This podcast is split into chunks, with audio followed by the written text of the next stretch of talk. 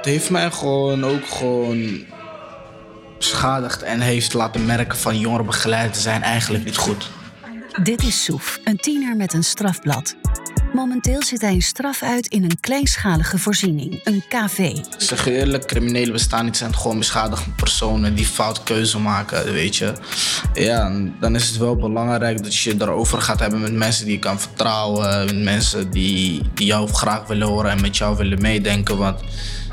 Straks horen we meer van Soef, zijn verhaal, maar vooral zijn ervaringen nadat het fout ging. Wat voor hem werkt en wat niet.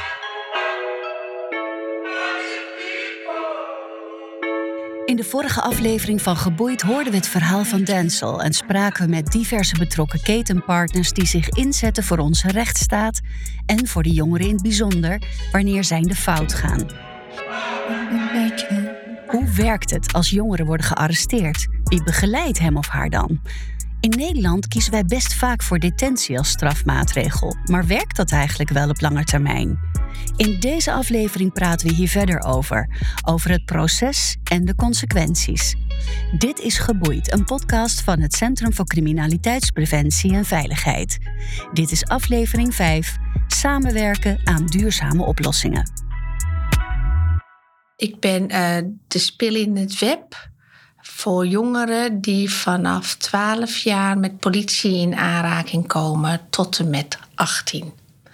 En daarbij volg ik ze vanaf het eerste moment dat ze aangehouden worden, eventueel voorgeleid worden, totdat ze weer vrijkomen. En dat kan zelfs zijn tot eind in de 20 als ze eventueel in een jeugd-TBS, de PI-maatregel, terechtkomen. Dit is Lida Metselaar. Zij is casusregisseur voor de kinderbescherming in Amsterdam. Um, als casusregisseur zit je ook op ZSM. Dat is een samenwerkingsverband tussen politie, justitie en diverse ketenpartners, waaronder de Raad voor de Kinderbescherming, uh, slachtofferhulp, uh, volwassenreclassering en HALT, Veilig Thuis. Dus het is een heel groot samenwerkingsverband, waardoor je uh, een jongere die aangehouden wordt Ehm, en vastgehouden wordt, eigenlijk al als eerste in beeld krijgt. Want ik zit daar uh, om de officier van justitie, die daar ook zit, van zo spoedig mogelijk een afdoening. Nou, dat is first, stel dat hij voor de eerste keer komt, um, dan zou je bijvoorbeeld HALT kunnen adviseren. HALT geeft geen aantekening op je justitiële documentatie. We hoorden het ook al in de vorige aflevering. Wanneer een jongere wordt opgepakt voor een misdrijf, zijn er vaste stappen die worden genomen. En dat gaat over gesprekken met ouders, de verdachte, soms met school, gedragsdeskundige en jurist. En samen maken zij een advies wat in een rapport naar de rechtbank gaat, waarna de rechtercommissaris ermee aan de slag gaat. Daar is dan ook een zittingsvertegenwoordiger van de raad bij die het rapport kan toelichten. Het advies in het rapport is primair altijd pedagogisch voor de jongere die wordt verdacht. En dat alles, zo zegt Lida, begint met een goede uitleg en vooral betrokkenheid van iedereen. Proberen zoveel mogelijk de mensen mee te nemen in wat zij zelf kunnen bewerkstelligen. Het belangrijkste vind ik dat ouders hun kind ten alle tijden moeten blijven ondersteunen, maar dat ze het gedrag van hun kinderen moeten afkeuren. Het blijven altijd de ouders en die probeer je zoveel mogelijk mee te nemen in het proces, zodat ze snappen wat we doen. Eerst een advies bij een voorgeleiding, dan een advies voor de inhoudelijke zitting. Want die komt er ook nog aan. En dan, ja, dat zijn soms adviezen die niet mal zijn. Ik bedoel, we hebben het variërend van een leerstraf, waar natuurlijk haast iedere ouder achter kan staan, want dan kan je tenminste iets leren, je kind, tot een werkstraf, tot een jeugddetentie, al dan niet voorwaardelijk. Maar het kan ook een zogenaamde PI-maatregel worden, zegt Lida. En een PI-maatregel is dan zeg maar een soort jeugd-TBS. Je probeert het altijd eerst in een ambulant kader, dus gewoon aan huis. Dat een jongere naar een instelling zoals de Waag bijvoorbeeld kan gaan. Dat hij daar een behandeling kan krijgen. Of bij Inforsa. Dat is dan waar ook drugsgerelateerd. Heel veel middelengebruik, die zijn daarin gespecialiseerd. Maar als dat niet lukt en hij blijft of zij blijft recidiveren, dan zit er gewoon op een gegeven moment niks anders op. Dan, dan helpt dat ambulante kader niet. Maar het is niet zo dat je voor een winkeldiefstal de pij in kan. En ook niet voor een diefstal van een fiets of één straatroof. Het is altijd de combinatie zwaarte van delict en de, pro, uh, de problematiek van de jongeren waaraan gewerkt moet worden. Lida zegt dat het kan helpen als de jeugd akkoord gaat met een persoonlijk onderzoek, een PO. Maar zo zegt ze, de jeugd staat daar nogal eens wantrouwend tegenover. En dan maken we wel eens het vergelijk met een gebroken been. Als iets stuk is, kun je het vaak herstellen met de juiste behandeling en revalidatie. Hij maakt als een soort mens foto van jou, zegt hij, net zoals bij je been. En daar ziet hij toch wel dingen nou waaraan gewerkt kan worden. Om je een betere toekomst te geven. Dus dan wordt een behandelplan. Net zoals die schroeven en jouw revalidatie. Zo moet je het zien. En niet als van, oh, ze kunnen me wegstoppen. Nee, het gaat om jouw toekomst. En wanneer dus alle informatie bijeen is over een verdachte jongere, is het aan de rechtbank om te bepalen wat de volgende stappen zijn. Peter Björn Martens is kinderrechter in Amsterdam en dit valt onder andere onder zijn taak. Dus ik beslis uh, of uh, kinderen die zijn aangehouden door de politie en al een paar dagen op het politiebureau zitten, of die wel of niet nog 14 dagen langer moeten blijven vastzitten, voorafgaand aan de, aan de inhoudelijke zitting. En daarbij gelden, zoals we al eerder hoorden, dus vaste processtappen om te volgen. En dat is al helemaal van belang om goed in beeld te krijgen met welke risico's we te maken hebben. Risico's voor het kind en de omgeving. Ten eerste moet ik kijken uh, of aan alle uh, formaliteiten is voldaan. Hè, of de wet wel in acht is genomen. Of, of, er wel, of de kinderen wel goede gronden zijn gearresteerd. En of de regels wel zijn aangeleefd. Daarna bekijk ik of het er echt wel op lijkt dat zij iets te maken hebben met, uh, met het misdrijf waarvan ze worden verdacht. En dan moet ik kijken uh, of er ook een reden is om ze uh, alvast vast te houden. Misschien heb je wel eens gehoord, je bent onschuldig totdat het tegendeel is bewezen. Maar toch wil ieder, wil, willen heel veel mensen dat je dan alvast vast blijft zitten. Dus dat is een hele moeilijke. Dus dan moet je wel een donders goede reden hebben. Want een beslissing die een rechter neemt, heeft ook een enorme impact op het kind dat daar voor hem staat. Dat weegt zwaar. Maar we moeten natuurlijk ook rekening houden met wat voor jongen is dit. Dus ik krijg daarnaast ook nog een uittreksel uit zijn uh, documentatie. Dus, dus een strafblad krijg ik erbij. Um, en als het goed is, uh, een rapport van de Raad voor de Kinderbescherming. Want op het moment dat iemand langer dan negen uur wordt vastgehouden op bureau, gaat er automatisch ook een melding naar de Raad voor de Kinderbescherming. En die bezoeken uh, zo'n jongen dan ook. die gaan praten over, over het feit en wie hij is proberen ook met zijn ouders te praten. Uh, als er al jeugdbescherming betrokken is, proberen ook met de jeugdbescherming te praten. Eventueel met een mentor op school. En is goed in kaart te brengen wie is deze jongen, hoe, uh, hoe, hoe woont hij thuis, hoe gaat hij op school, heeft hij baantjes, uh, wat zijn de problemen, heeft hij psychische problemen, uh, is er meer bekend over hem. En dat is zeker in jeugdstrafzaken minstens zo belangrijk als het procesverbaal zelf. Als een jongere drie dagen in een politiecel heeft gezeten, vindt een zogenaamde voorgeleiding plaats in de rechtbank. Peter Björn heeft zich dan al kunnen inlezen, maar, zo zegt hij, ik hecht vooral waarde aan het gesprek wat dan volgt. Dan komt hij hier beneden in een cel uh, te zitten. En uh, dan wordt hij ja, aan mij voorgeleid, zoals dat heet. dus dan zit ik in een rechtszaal met de griffier naast me de verdachte komt binnen met, uh, met twee uh, parketpolitieagenten. Uh, zijn advocaat zit er dan bij. Ouders worden uitgenodigd. Raad voor de kinderbescherming zit er altijd bij. En uh, vaak ook iemand van de jeugdbescherming of de jeugdreclassering als die al betrokken is. En dan gaan we het erover hebben wat er moet gebeuren. En dat zijn vaak, ja, vind ik wel hele waardevolle gesprekken. Met name ook omdat ouders erbij zitten. Die zitten ja, dan achter hun kind. En die horen soms voor het eerst wat er, wat er aan de hand is.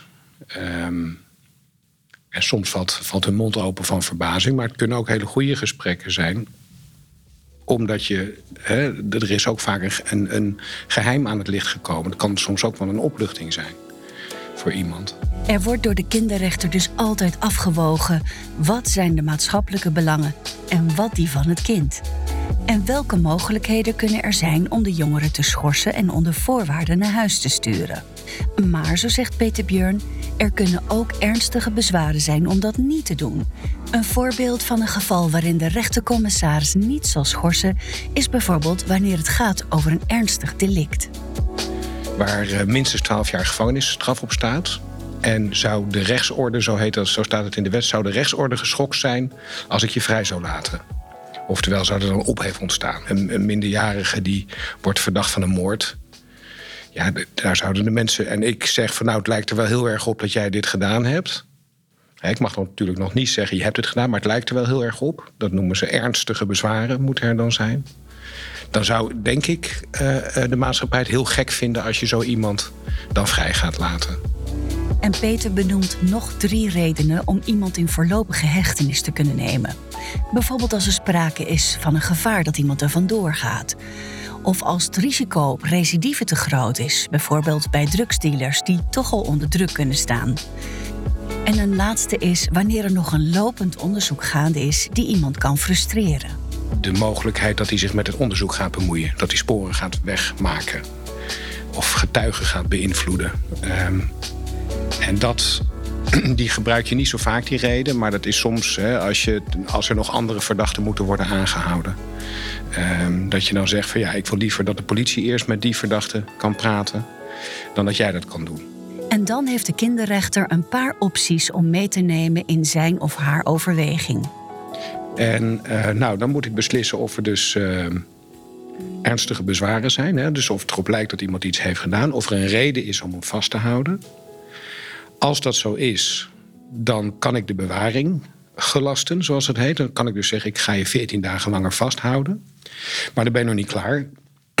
Want dan moet je het hebben over de plek waar iemand dan uh, moet gaan zitten, die 14 dagen. Na die 14 dagen dan zijn er weer andere rechters die gaan beslissen hoe dat verder weer moet. Uh, die plek dat kan zijn een jeugdhuis van bewaring, dus gewoon een JJI, een, een, een, jeugd, justitiële jeugdinrichting. Uh, het kan ook zijn de ouderlijke woning in het kader van huisarrest. En uh, in Amsterdam kennen we dan ook nog een derde mogelijkheid, dat is de kleinschalige voorziening. De café, dus niet het café, maar de café. En daar, dat is een soort, ja, ik noem het altijd een jeugdgevangenis light. Dus daar um, s'avonds, s'nachts ben je gewoon binnen en gelden gewoon de regels van een jeugdgevangenis. Uh, maar overdag mag je wel naar school. Een JJI, een justitiële jeugdinstelling, komt ons het meest bekend voor. Maar een café, kleinschalige voorziening, is minder bekend. En die is alleen mogelijk onder bepaalde voorwaarden. Ten eerste is namelijk een voorwaarde die de kleinschalige voorziening stelt: je moet wel gemotiveerd zijn je moet gemotiveerd zijn om naar die dingen toe te gaan die je overdag moet doen. dus als jij zegt, ik wil naar school en ik begrijp dat, het, dat dat nuttig is voor mij, nou dan sta je al met 2-0 voor bij mij. En ik denk ook bij de kleinschalige voorziening. Als je zegt van ja, fuck school, dan, ja, dan hoef je daar ook niet te komen. Dan kies jij kennelijk nu nog voor iets anders. er moet wel beweging in jou te zien zijn of te verwachten zijn in ieder geval. Ik kan me wel voorstellen dat die jongens zeggen van nou ja, als ik de overstap maak van een eh, jeugdinrichting naar een kleinschalige voorziening, dan zie ik in één keer, kom ik in één keer tussen jongens die ook gemotiveerder zijn. die gemotiveerder zijn om te kiezen voor een, een, een niet-crimineel leven. Want dat, dat, dat is uiteindelijk waar het om gaat. En als jij 16, 17 bent, ja, dan ligt die keuze nog helemaal niet vast. Dan zeg je tegen mij natuurlijk op z'n alle schijnen... ja meneer, ik zal mijn leven verbeteren, ik zal dit nooit meer doen... en ik ga netjes naar school. Maar als jij buiten komt en je ziet je vrienden... en die zeggen van, hé, kom mee, we gaan een eh, joint roken... en we gaan leuke dingen doen, dan zeg je, ja, tuurlijk ga ik met je mee. Dus het is echt een hele moeilijke leeftijd... waarin je moet leren om die keuzes voor jezelf te maken... en wij kunnen je daar enigszins bij helpen, maar het is jouw keuze. Soef is een tiener die al een tijdje in een JJI, een jeugdinrichting, heeft gezeten. Inmiddels verblijft hij een paar maanden in een kleinschalige voorziening in Amsterdam.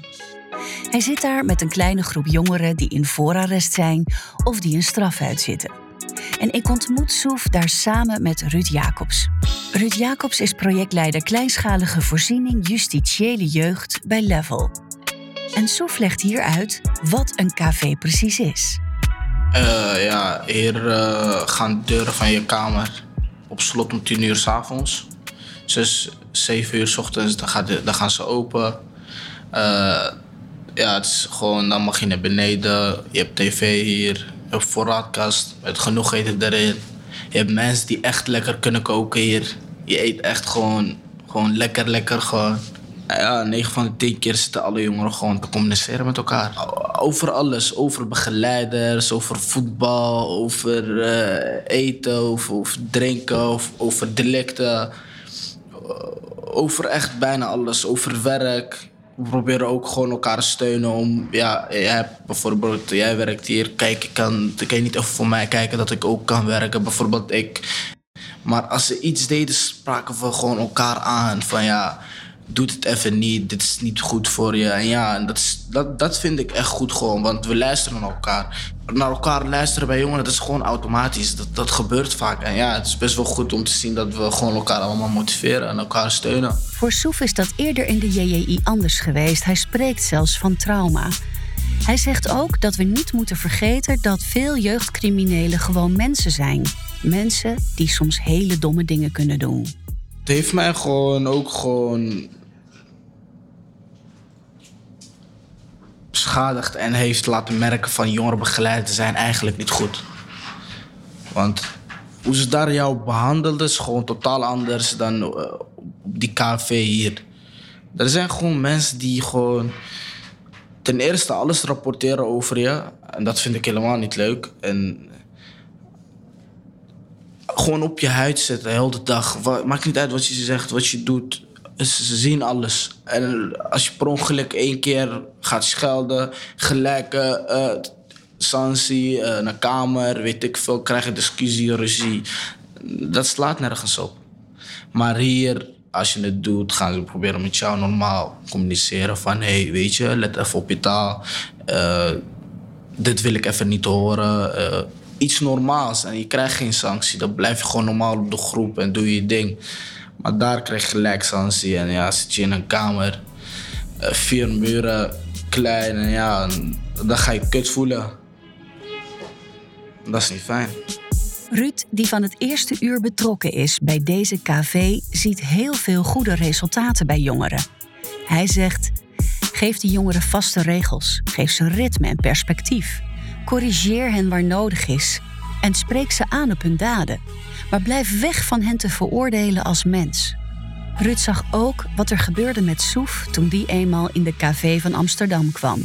Ja, ik denk wat jij zegt uh, over dat het verschil tussen de JI en de KV uh, zo duidelijk door jou gevoeld wordt. Dat het ook te maken heeft met de verantwoordelijkheid die je in de JI kwijtraakt, die eigenlijk van je overgenomen wordt.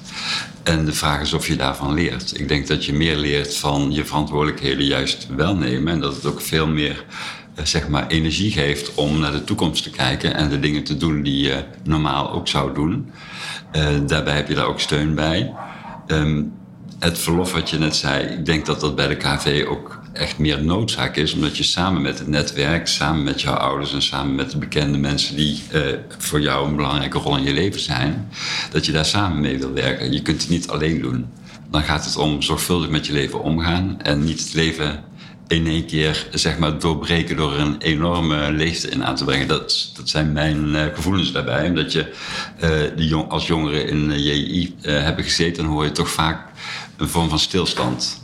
Um, het is een periode geweest waar je dan verder eigenlijk niet heel veel mee kunt. En hier kun je gewoon, zeg je kunt de dingen doen die je normaal ook zou willen. Je kunt naar je school, je kunt naar je ouders, je kunt uh, plannen maken. Um, daarvoor sta je nog gewoon met beide benen in de samenleving. Ik denk dat dat een essentieel verschil is. Wat je ook heel mooi vertelt trouwens. Soef zegt, criminelen worden niet geboren.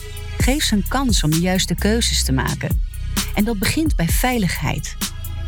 Want, zo zegt hij, ik vond het tussen zo'n grote groep medegevangenen gewoon niet veilig. Ik wist niet wie je kon vertrouwen en wie niet. Ik zeg eerlijk, criminelen bestaan niet. zijn gewoon beschadigde personen die fout keuze maken, weet je. En uh, ja, dan is het wel belangrijk dat je erover gaat hebben met mensen die je kan vertrouwen. Met mensen die, die jou graag willen horen en met jou willen meedenken. Want ja, dan kun je je fout verbeteren als het voor de eerste keer is. Kijk, als je meerdere keren hebt gedaan, ja, dan snap ik het wel dat je naar JEI gaat of naar een PI. Dan, dan is het gewoon anders. Dan is gewoon met jou proberen, ze hebben met jou proberen te praten en ja, lukt niet. Dan ga je naar gevangenis. Maar het is gewoon heel belangrijk dat ze jou horen, naar jou luisteren van wat jouw echte verhaal is. Maar dat vertel je natuurlijk ook niet aan iedereen. In een jeugdinrichting of een penitentiaire inrichting zitten grotere groepen van diverse jeugdcriminelen bijeen. En dat varieert van de zwaardere vergrijpen tot misschien de wat minder zware. Maar ook van jongere criminelen tot wat oudere. Ze hebben allemaal hun eigen cel en worden met relatief weinig gevangenenbewaarders in de gaten gehouden. De jongeren krijgen daar overigens ook een vorm van scholing. We hoorden Denzel in de vorige aflevering al over vertellen. Maar ze mogen in principe niet naar buiten en ook niet naar huis. Hun leven, zo zegt Soef, staat stil. In een café gaat dat dus iets anders. Maar goed, bij wie past een café dan precies? Ik denk dat um, het ook een, uh, een kwestie is van welke jongens passen in een café. Ik denk heel veel jongens. Ik denk dat in JI zouden de jongens horen die wat verhard zijn, die echt al een hele carrière achter de rug hebben. Maar ik denk dat jij weet uh, en gezien hebt op de JI dat er heel veel jongens zijn die die verhardheid niet hebben. En die, die dan ook nog op een KV zouden kunnen geplaatst worden, denk ik. Ze hebben gewoon geen lelijke carrière, maar ze hebben gewoon echt gewoon dingen waar ze voor, waar ze voor zitten. Het is gewoon iets wat hun eigenlijk niet hun schuld is. En dan worden ze daar geplaatst. Ja, en uh, dan gaat het fout. Want je houdt dan die jongeren gewoon tegen om verder met zijn leven te gaan. En ja, kijk, als je hem wil, wil vastzitten, bijvoorbeeld als wel, hij heeft wel een fout gedaan, nou ja, beter hier dan daar. Want hier kunnen ze gewoon normaal naar school, normaal naar buiten. Uh, meer communiceren dan die EI, want daar wordt, ze gewoon, word je gewoon totaal anders behandeld dan hier. Het is gewoon anders. En toch hoor je nog steeds regelmatig de roep om strenger straffen. En dat zegt misschien wel iets over het beeld wat we kunnen hebben bij jeugdcriminaliteit in de huidige maatschappij. Maar ik denk dat het enorm is. Ik denk dat uh, onze samenleving doorspekt wordt van een beeld wat zegt goed en fout. En uh, tegelijkertijd weten we allemaal dat dat niet bestaat.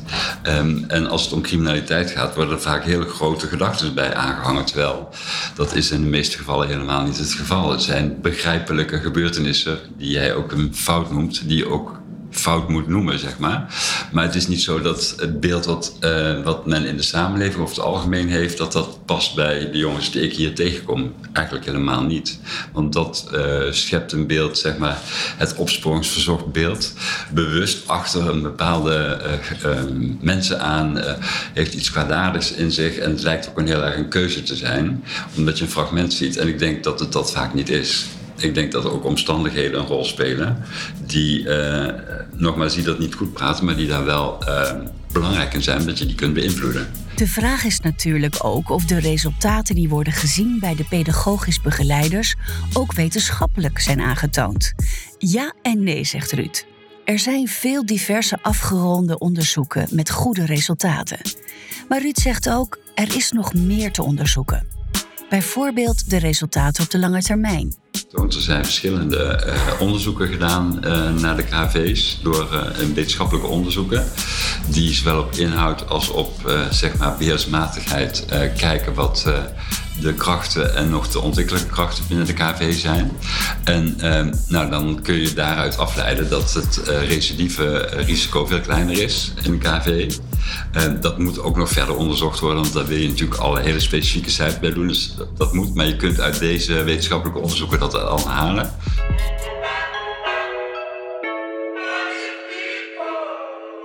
Net als in de vorige afleveringen uit deze serie willen we ook de wetenschappers spreken die iets kunnen vertellen over de impact van het bestraffen. En als je dan straft, wat werkt dan wel en wat werkt dan niet? Want om handhavers, beleidmakers en begeleiders goed te voorzien van gedegen interventies, zijn de ervaringen van de jongeren uit deze afleveringen van belang. Maar er is ook onderzoek nodig. Professor Dr. Frank Weerman is senior onderzoeker bij het NSCR, het Nederlands Studiecentrum Criminaliteit en Rechtshandhaving. En hij is bijzonder hoogleraar criminologie aan de Erasmus Universiteit. Hoe is het eigenlijk momenteel gesteld met de jeugdcriminaliteit in Nederland? Frank heeft hierin goed nieuws. Met een maar. En ook de jeugdcriminaliteit die is eigenlijk aan het dalen sinds 2007. En ook behoorlijk fors aan het dalen. Dus uh, als je naar het totale aantal uh, jongeren die gepakt worden door de politie, als, gehoord worden als verdacht, als je daarnaar gaat kijken, dan is dat nu nog maar een derde van het niveau van 2007. Maar er zit wel een hele dikke maar aan dit uh, positieve verhaal. Of meerdere maren. De eerste maar is dat in sommige buurten en sommige groepen jongeren die daling helemaal niet is opgetreden. Dat de mensen in die buurt dus ook helemaal niet ervaren dat het beter gaat met, met de jongeren en de jeugdcriminaliteit, maar juist heel veel problemen zien. We hoorden het al eerder. Er zijn verschillende straffen die rechters kunnen opleggen. Een taakstraf bijvoorbeeld. Onbetaald werk. Denk dan bijvoorbeeld aan het werken als hulp in de keuken van een bejaardenhuis, plantsoenendienst, vuilprik op straat of graffiti verwijderen.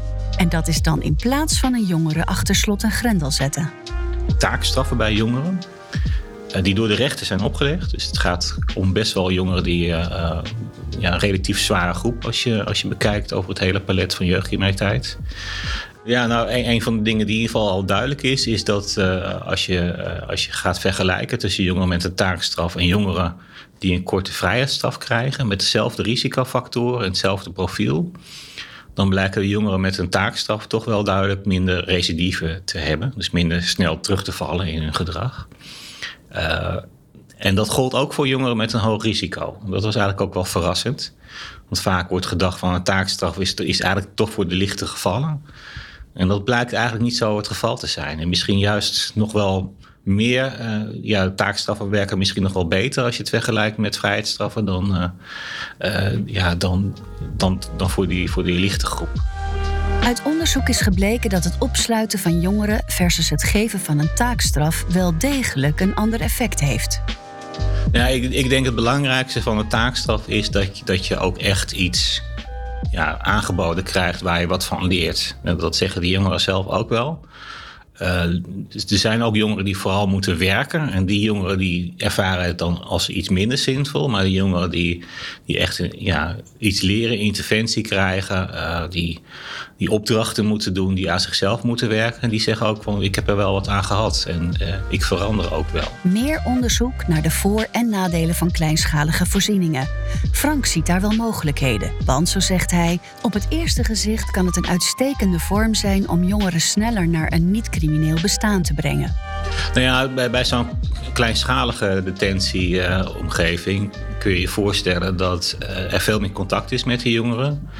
Uh, het veel moeilijker wordt voor die jongeren om. Uh, ja, dat, dat er veel moeilijker groepsgedrag plaatsvindt en dat de groep ook minder groot is. Dat er minder stress is voor de jongeren. Dat het makkelijker is om contacten met thuis te onderhouden. En misschien ook ja, naar school. En, en sowieso is het dichter bij het huis van, van, van die jongeren. Dus het is wat makkelijker om het gewone leven door te laten gaan. En dat, dat zou een van de redenen kunnen zijn waarom het beter zou kunnen werken. Maar dan weer even terug naar die roep om strenge straffen die we soms horen. Het idee dat we met het opsluiten van jongeren die in de fout gaan het beste resultaat behalen. Frank stelt dat we hierin beter kunnen omdenken. De eerste reactie van, van, van mensen en slachtoffers is eigenlijk ook vrij logisch. Van ja, we moeten, ze hard aanpakken, we moeten vergelden. Dan leren ze het wel af. Dat is natuurlijk ja, vanuit de leertheorie misschien logisch gedacht, maar eigenlijk als je gaat nadenken over wat zijn nu echt de oorzaken van jeugdcriminaliteit, en met name de ernstige vormen daarvan, dan leer je al snel dat daar veel meer achter zit. En dat het niet een kwestie is van ja, wat je misschien het verkeer hebt, geven een boete en dan, dan schrik je af. Ja, dat werkt bij de jeugdcriminaliteit werkt dat eigenlijk nauwelijks. Omdat het, ja, of het heeft te maken met de adolescentiefase en, en de verleidingen van criminaliteit.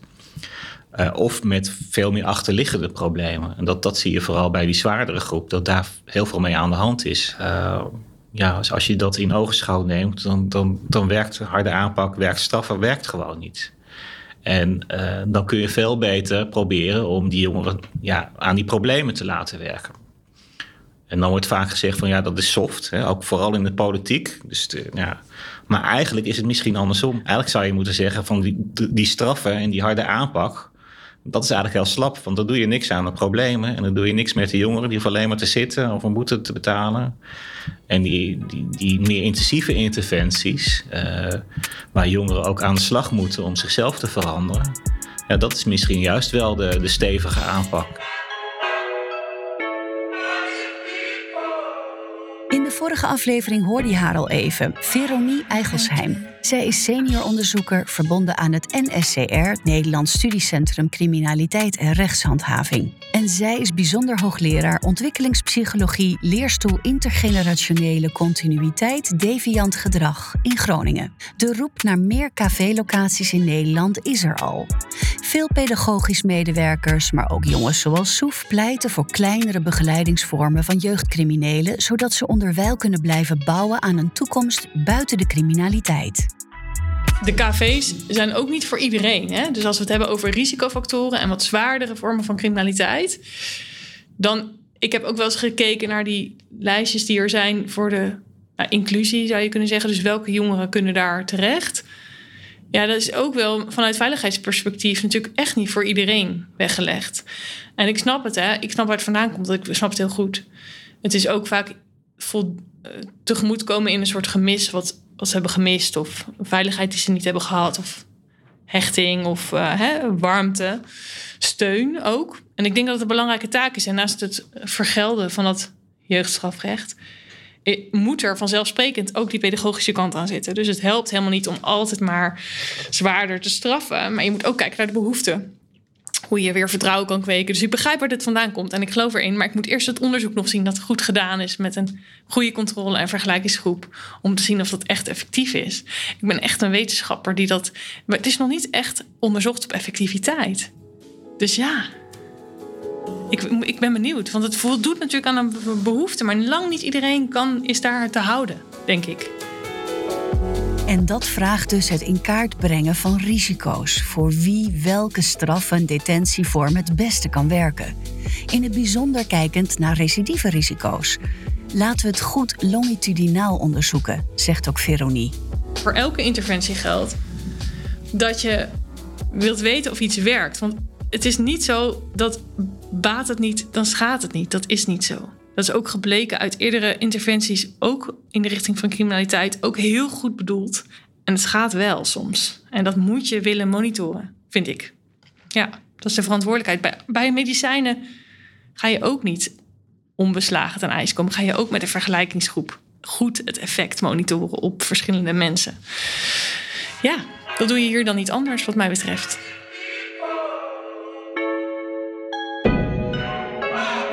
Tot slot nog even dit. Lida, de casusregisseur bij de kinderbescherming in Amsterdam, herinnert ons eraan dat we er soms goed aan doen om even een stap naar achteren te doen en te kijken wat het verhaal is achter de criminele handeling, achter de mens. Ze zegt: Ik kan soms bewondering opbrengen voor de jongeren die ondanks alles er bovenop krabbelen. Ik kan met mijn hand op mijn hart zeggen als alle mensen in Nederland moeten ondergaan wat soms onze jongeren in Nederland heb, al hebben moeten meemaken, dat het soms een wonder is dat wij als volwassenen normaal zijn terechtgekomen. Want je geeft het maar te doen aan die jongeren die ouders hebben, die verslaafd zijn en eigenlijk moeten zorgen voor hun ouders in plaats van andersom. En dat je een vader hebt die al in de criminaliteit zit, die al in de gevangenis zit. Wat voor voorbeeld heb je dan? een jongere waar thuis amper brood op de plank is. En die wel een moeder ziet met zoveel kinderen, die hard werkt voor een klein salaris. Hoe makkelijk is het dan dat kinderen geronseld worden om in de grotere criminaliteit hun centen te verdienen? Dit was aflevering 5 van Geboeid, een podcastserie van het Centrum voor Criminaliteitspreventie en Veiligheid, het CCV. Kijk voor meer informatie over dit onderwerp op hetccv.nl en in de show notes bij deze aflevering. Als je nieuwe afleveringen niet wilt mislopen, abonneer je dan nu in de podcast-app. Dat is gratis. En als je dit een mooie aflevering vindt die anderen ook eens zouden moeten horen, laat dan een rating of een review achter. Daarmee maak je deze podcast beter vindbaar voor anderen. Bedankt voor het luisteren en tot de volgende aflevering. Deze podcast is gemaakt door Audiodroom Podcast Producties in opdracht van het CCV. Zoveel tranen op mijn t-shirt. Zocht alleen een beetje liefde. Probeer het verleden zo vaak te vergeten. Daarom zoek ik naar die brieven. Mama, I don't wanna cry. Maar zo lijkt het of niemand mij begrijpt. Ik zweer het, mijn hart doet zoveel pijn. I am just a lonely child. Lonely child. Gesprekken met mezelf, alleen ik in mijn gedachten. Zocht alleen een beetje liefde om de pijn niet te verzachten. Gevorderd door de straten, zeg mijn broertje, wat verwacht je? Best gek hoe ze me schilderen als grote crimineel. Weten niks van mijn verleden, maar toch oordelen ze veel. Geassocieerd als crimineel, maar de staat creëert hemzelf. Kleine jongens opgesloten op een groep of een cel. Neem een kijkje in de zorg en vraag je af of het helpt. Ik had een zware bagage en ik zat alleen in die hel. Ondanks de pijn, mijn hart puur, maar velen maakten het fel. Neem jezelf geen jeugdzorg als je de jeugd toch niet helpt.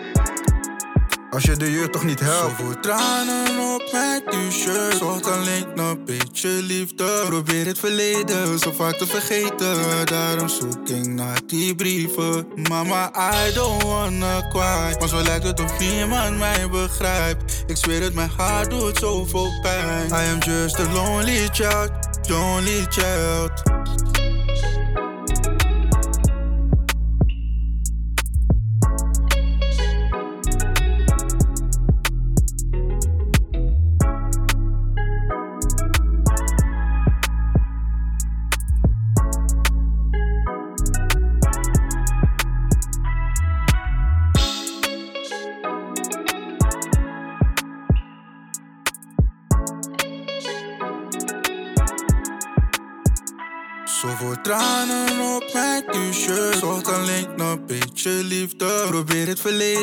Vaak te vergeten. Daarom zoek ik naar die brieven. Mama, I don't wanna cry. Maar zo lijkt het of niemand mij begrijpt. Ik zweer het, mijn hart doet zoveel pijn. I am just a lonely child, lonely child.